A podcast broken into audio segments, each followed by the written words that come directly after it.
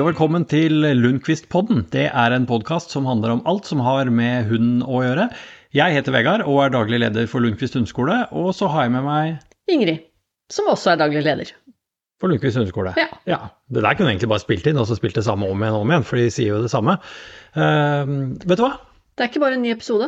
Det er ny sesong. Det er gøy! uh, når jeg skulle laste opp det her, så er det sånn at jeg laster opp til en sånn uh, podkasttjeneste som vi bruker, og da spør den alltid om hvilken sesong det er. Og nå tror jeg dette er episode én i sesong to. Det er gøy, da. Det er litt spesielt kanskje at episode én i sesong to starter i oktober. Ja, det, Den gikk litt fort den høsten her. Og sommeren òg, egentlig. Ja, for jeg husker jo vi hadde episode ni som handla om passering sammen med Per Atle. Og så klarte vel jeg å lire ut av meg noe om at vi skulle ha episode ti, som skulle være en sånn ukeskurs spesial. Ja, da tenkte jeg mitt at vi har et par andre ting å drive med der oppe, men ok, jeg er med, jeg.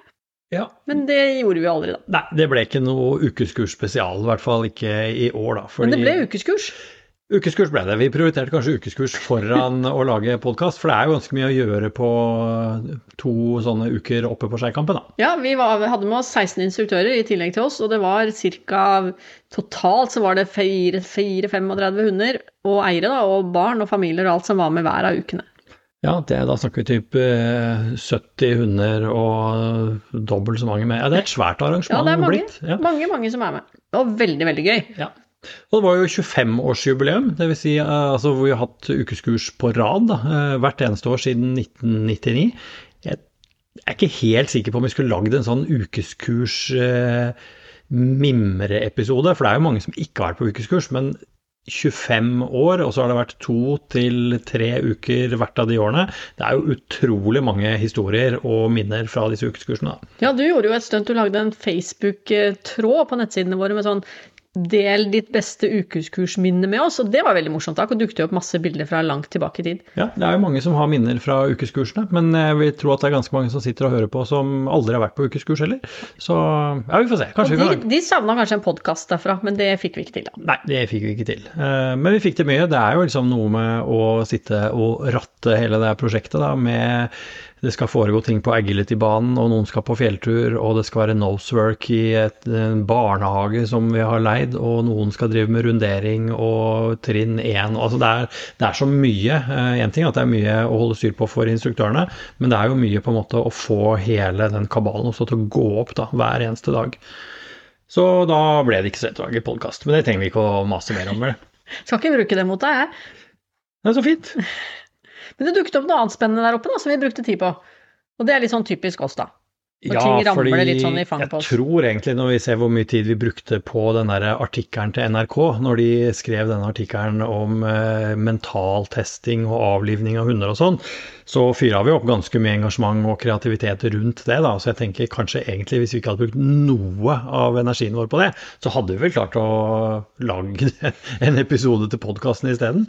Ja, Vi burde kanskje prioritert det, men det er noe med å la seg engasjere også, da, når det oppstår ting. Dette var jo i media hvor vi faktisk reagerte både med følelser og frustrasjon. Og det er jo en sunn ting, det òg.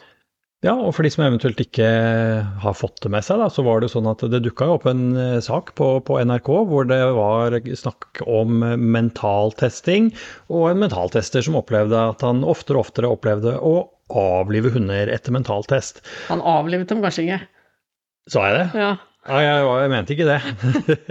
For det ville jo vært en bra mediesak. Ja, det ville vært drøyt, men Han anbefalte avlivning. Ja, det var det jeg mente, da. Så du, jeg, vi får høre på opptaket. Skal vi se, Det var sikkert det jeg sa også.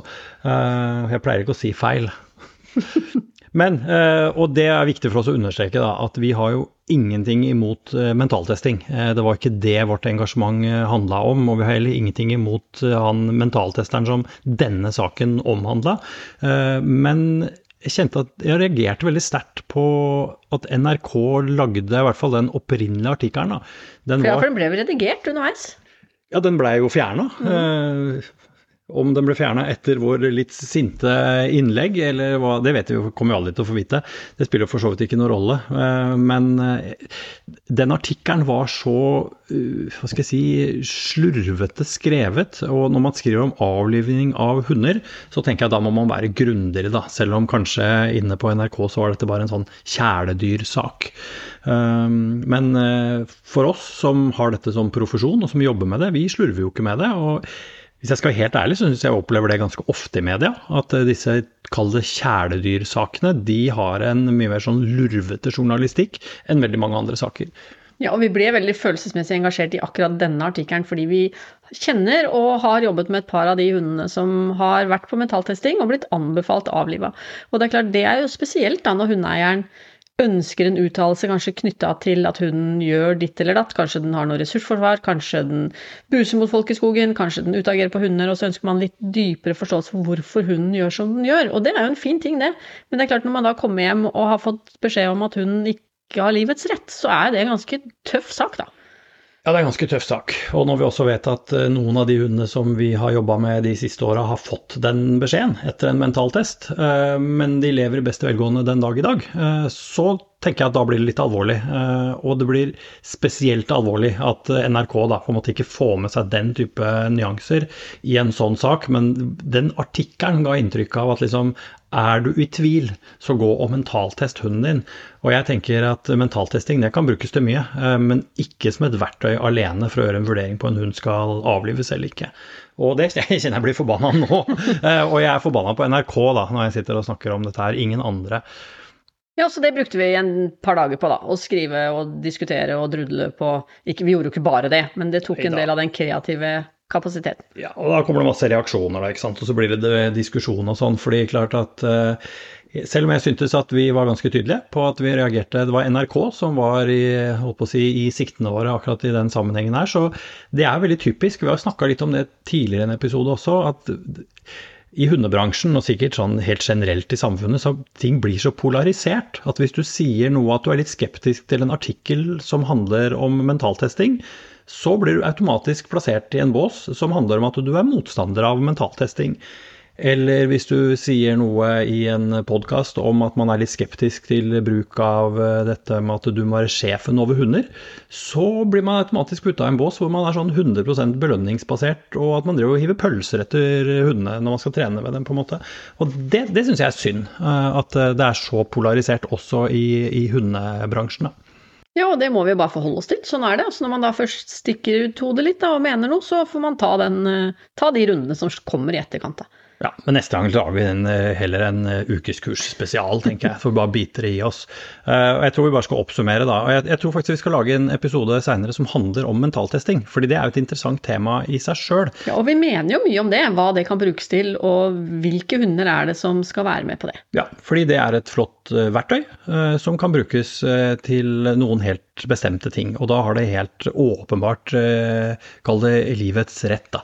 Men jeg tenker at vi som, som, jobber med hund, vi har jo en stor verktøykasse foran oss. Og så gjelder det på en måte å plukke fram riktig verktøy i riktig situasjon. Og ikke minst så må man også kunne bruke disse verktøyene. Det er en forutsetning. Og jeg tenker at når folk kan bruke verktøyet mentaltesting, og i tillegg eh, bruker det på rett sted, så, så, funker det kjempefint. Det er ikke det som var problemet. Problemet var denne litt unyanserte fremstillingen som, som NRK kom med. Ja, nok om det, kanskje. Ja, jeg tror kanskje det. Ellers så begynner vi plutselig på en episode som handler om mentaltester, og det var jo egentlig ikke planen, da. Det blir senere. Ja, hva mer skal vi snakke om, da? Plutselig så ja, ukeskurs var jo ferdig sånn uh, type i eh, 1. august, 1. august, ja. Uh, nå er det oktober, uh, og så sitter vi her og sier at vi hadde ikke tid til å lage noen episoder. Vi har kanskje gjort noe fra august og oktober òg, da. Ja, vi hadde litt ferie etter at vi kom hjem fra ukeskurs, faktisk. Vi tok med hunden og var på båttur. Det var passe bra vær, men vi fikk i hvert fall løsrevet oss litt grann, og fikk litt ferie. Det er jo alltid deilig. Ja, det... Og så braka alt løs igjen i midten av august. Ja, og det gjør jo alltid. Da starter jo egentlig alle kursene eh, på kursplassen vår eh, samtidig. Når man er type sånn i eh, når skoleferien er slutt, så starter vi opp liksom alt fra grunnkurs til agility-kurs og språk- og passeringskurs og nosework-kurs. Altså alt starter samtidig. og Det, er, det å få starta opp alt sammen er jo en kjempejobb. Men i tillegg så har vi disse online hundetrener og online atferdskonsulent på toppen av det, da, som vi bare har hatt de siste åra. Og da snakker vi mange timers arbeid. Ja. Mye kontorarbeid og mye farting opp og ned til kursplassen og starte kurs. Så da har det ikke vært tid til det da heller. Nei, men vi har tid til det nå, da. Ja da, det har vi. For nå har alt landa litt. Nå har eh, både modul hundetrener er godt i gang, modul atferdskonsulent er godt i gang, og de fleste kursene har gått en runde eller to allerede, og ting roer seg. Ja, og jeg tenker modul hundetrener, den er jo sånn Altså de som går online modul hundetrener, de jobber jo med jeg holdt på å si, helt grunnleggende ting innenfor atferd og læring. Uh, mens de som går på modul atferdskonsulent, der er det jo sånn at uh, jeg holdt på å si, Programmet er liksom ikke lagt. fordi de, alle de som går online, det er jo noen som går online, og så er det noen som går med oppmøtedager. Uh, de som går online, jobber jo med sine egne caser, med hunder med forskjellige typer atferdsproblemer. Og der er det en blanding av at det at vi står der som jeg holdt på å si fagpersoner som, som, gir de støtte når de jobber med det her, og så skal de finne casene sine og begynne å jobbe systematisk, så er det også mye jobb, særlig i starten. Nå ligger mye av jobben på dem sjøl, eh, å følge opp disse casene. Da. Ja, for det er jo sånn vi sier jo det når vi jobber kurs til vanlig, at vår oppgave som instruktør er å lære hundeeieren å trene sin egen hund.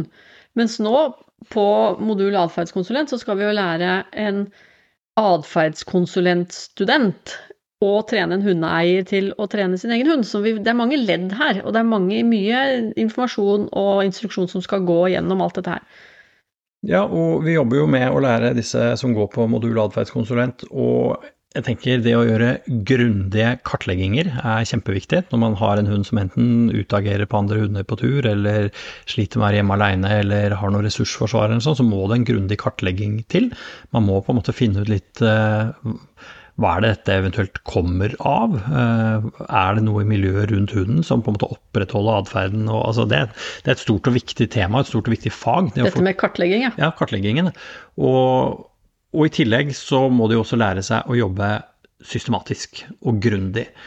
For det er jo gjerne sånn at eh, når man har en hund som har noen utfordringer, da, så er det nok ikke så lett at man bare sier at ja, men da tar vi bare litt sladretrening. Eller så tar vi litt eh, motbetinging og systematisk desensitivisering.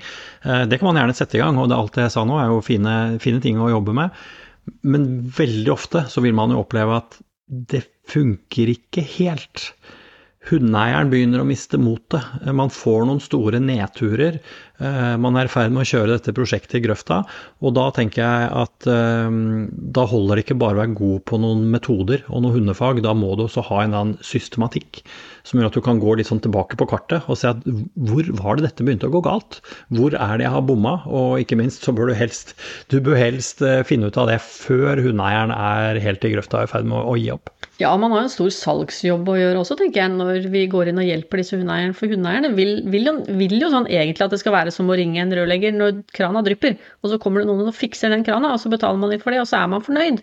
Så funker bare den krana da i 5-10-15 år til. Men sånn er det jo ikke i hundeverden når hunden driver med et eller annet som vi skulle ønske at den sluttet å gjøre. Det er mange ting som må jobbes med. Ja, og så er det jo, i hvert fall så har vi en måte å jobbe på, som du sa i stad, at vi jobber jo med å lære hundeeieren å jobbe med sin egen hund. Eh, det er jo ikke sånn at de bare kan levere hunden til oss og si at denne her, den bråker i passeringer. Eh, når kan jeg hente den? Eh, så det er, mye man skal lære, og det kan jo være en av de tingene som ligger i det man jobber med. Så er det noen grunnferdigheter som hundeeieren kanskje er for dårlig på. Jeg tenker på Hvis du har sett, satt i gang noe så enkelt som et prosjekt med noe sladretrening, da. men så har vi en hundeeier som mangler litt på grunnferdigheten å kunne lese hund det å følge med og se til enhver tid hva hunden forsøker å formidle. I tillegg så er de litt for seint ute hver gang de skal belønne hunden sin. Hvis de i tillegg da ikke har noe ordentlig å belønne med heller, altså de har ikke noe som hunden vil ha. Vi må jo bygge opp en belønningspool i tillegg, sånn at de har noe å plukke av. Og da, det må man jo se. Altså at ja, Sladretrening var en god idé, eh, mens hundeeieren mangler noen ferdigheter. Og de kan vi ikke bygge opp mens de jobber med sladretrening, fordi da roter vi til hele opplegget. Det må de bygge opp på andre steder. Da må vi bygge opp timing, vi må bygge opp evnen til å lese hunden, bygge opp uh, forståelse av kriterier og belønning og, og masse annet da, som innimellom noen hundeeiere mangler litt da, når de skal begynne å løse sånne problemer. Og Det hadde nok vært veldig mye lettere for oss og alle som jobber med atferd hvis hundeeieren hadde ringt oss dag én og hun sier at hunden min begynte å bråke på andre hunder i dag, kan du hjelpe meg? Det er veldig mye lettere. Det er jo det samme som når man eh, ringer en bilmekaniker eller en uh, håndverker og sier at vet du hva, akkurat nå har det begynt å dryppe gjennom taket. Istedenfor Det hundeeieren ofte har gjort, er jo å forsøke veldig mange ting først. Og det blir jo som at uh, ok, det har begynt å dryppe gjennom taket, jeg har bytta noen bord, og så har jeg holdt på litt, og så prøvde jeg å teipe litt, og så funker, Så har man liksom køla det bare ytterligere til da, for de som kommer med kunnskapen og skal løse dette i neste omgang. og det gjør det jo enda vanskeligere for oss når vi jobber med atferd. Fordi hundeeieren har gjort så mye allerede.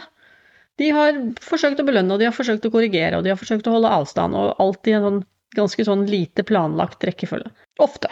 Ja, ofte. Og som sagt, det er jo det her de skal lære på modul atferdskonsulent. Det handler jo kanskje mye mer om å lære seg en måte å jobbe på enn å skape resultater, akkurat når man går på det kurset der.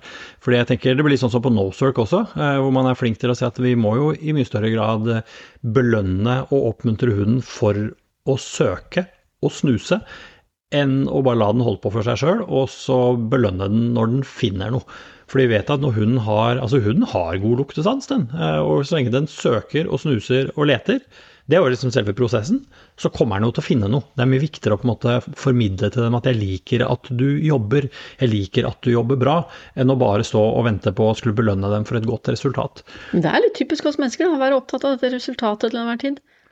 Ja, og det kunne vi nesten lagd en episode om det òg, for jeg syns det man finner litt innen Nosework, da, som handler om å legge mye mindre press på hunden, eh, og heller være oppmerksom på at man på en måte oppmuntrer dem til å jobbe godt og jobbe iherdig.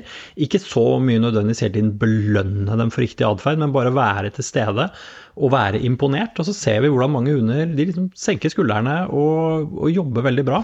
Og litt av den filosofien tror jeg man kan ta med seg inn i flere andre hundesporter også.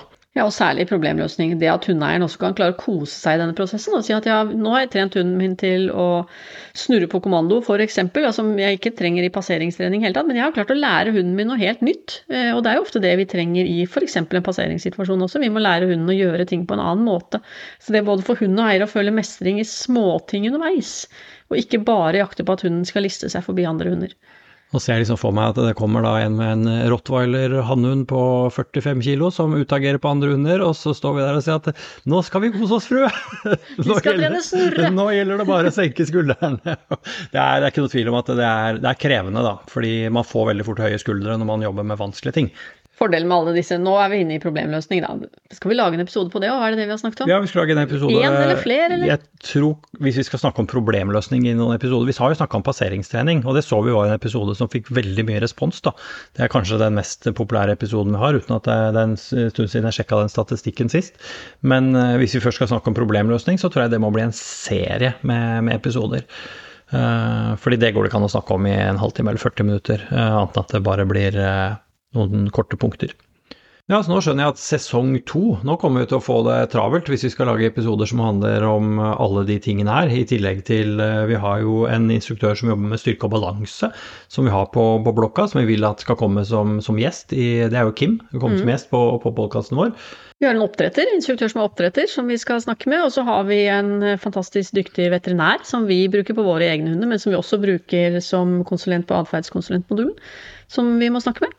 Ja, jeg er ikke helt sikker på om jeg rekker å være med på Skal vi danse. Eh, ja, men der er du påmeldt. Jeg er påmeldt, ja. Men jeg er ikke med, for jeg så på det her om dagen, og jeg var ikke med der. nei, nei, men det er, det er, mye sånne auditioner og sånt, så de kommer, de. Ja. Men fra spøk til alvor. Vi snakka i stad om at det er, det er, ikke så lett å lage materiale, holdt på å si, publisere en episode en gang i uka eller hver andre uke. Og jeg tenker all honnør til de som klarer jevnt og trutt f.eks. Å, å produsere og publisere en kvalitetsepisode på en podkast hver eneste uke. Det er mye jobb. og vi, har jo, som, vi begynte vel denne episoden med å si at vi har hatt et par andre ting å drive med. Da. Så om vi rekker alt dette i sesong to, den varer vel antageligvis bare fram til 31.12., da. Så kan det hende at vi skal dra noe av dette over i sesong tre. Ja, det er proft, da. Velkommen til sesong tre. Det er gøy. Det gleder jeg meg til. Men vi må lage noen episoder i sesong to da, før det blir jul. Det er det jo ingen tvil om. Det rekker vi jo. Ja. Men eh, nå får vi bare hive oss rundt. Nå skal vi i gang og rette noen oppgaver på modul atferdskonsulent, så vi får bare ta unna det. Og så kommer det en ny episode om en eh, to ukers tid. Ja, det gjør det. Ja, for da skal vi til Arendal på holde språkseminar Ja. for, en- for Schæferklubben. Og da skal vi leie en bobil, så da har vi tid til å lage podkast i bobil. Det er gøy. Vi lager en episode om uh, sjefespråk, da. Ja, for det er veldig spesielt. Ja, veldig, helt unikt. Ja, nei, nå prater vi bare tull. Eh, det var morsomt å komme i gang igjen. Eh, vi skal eh, få på plass og lage ca. en episode hver andre uke. Ha det bra. Ha det bra.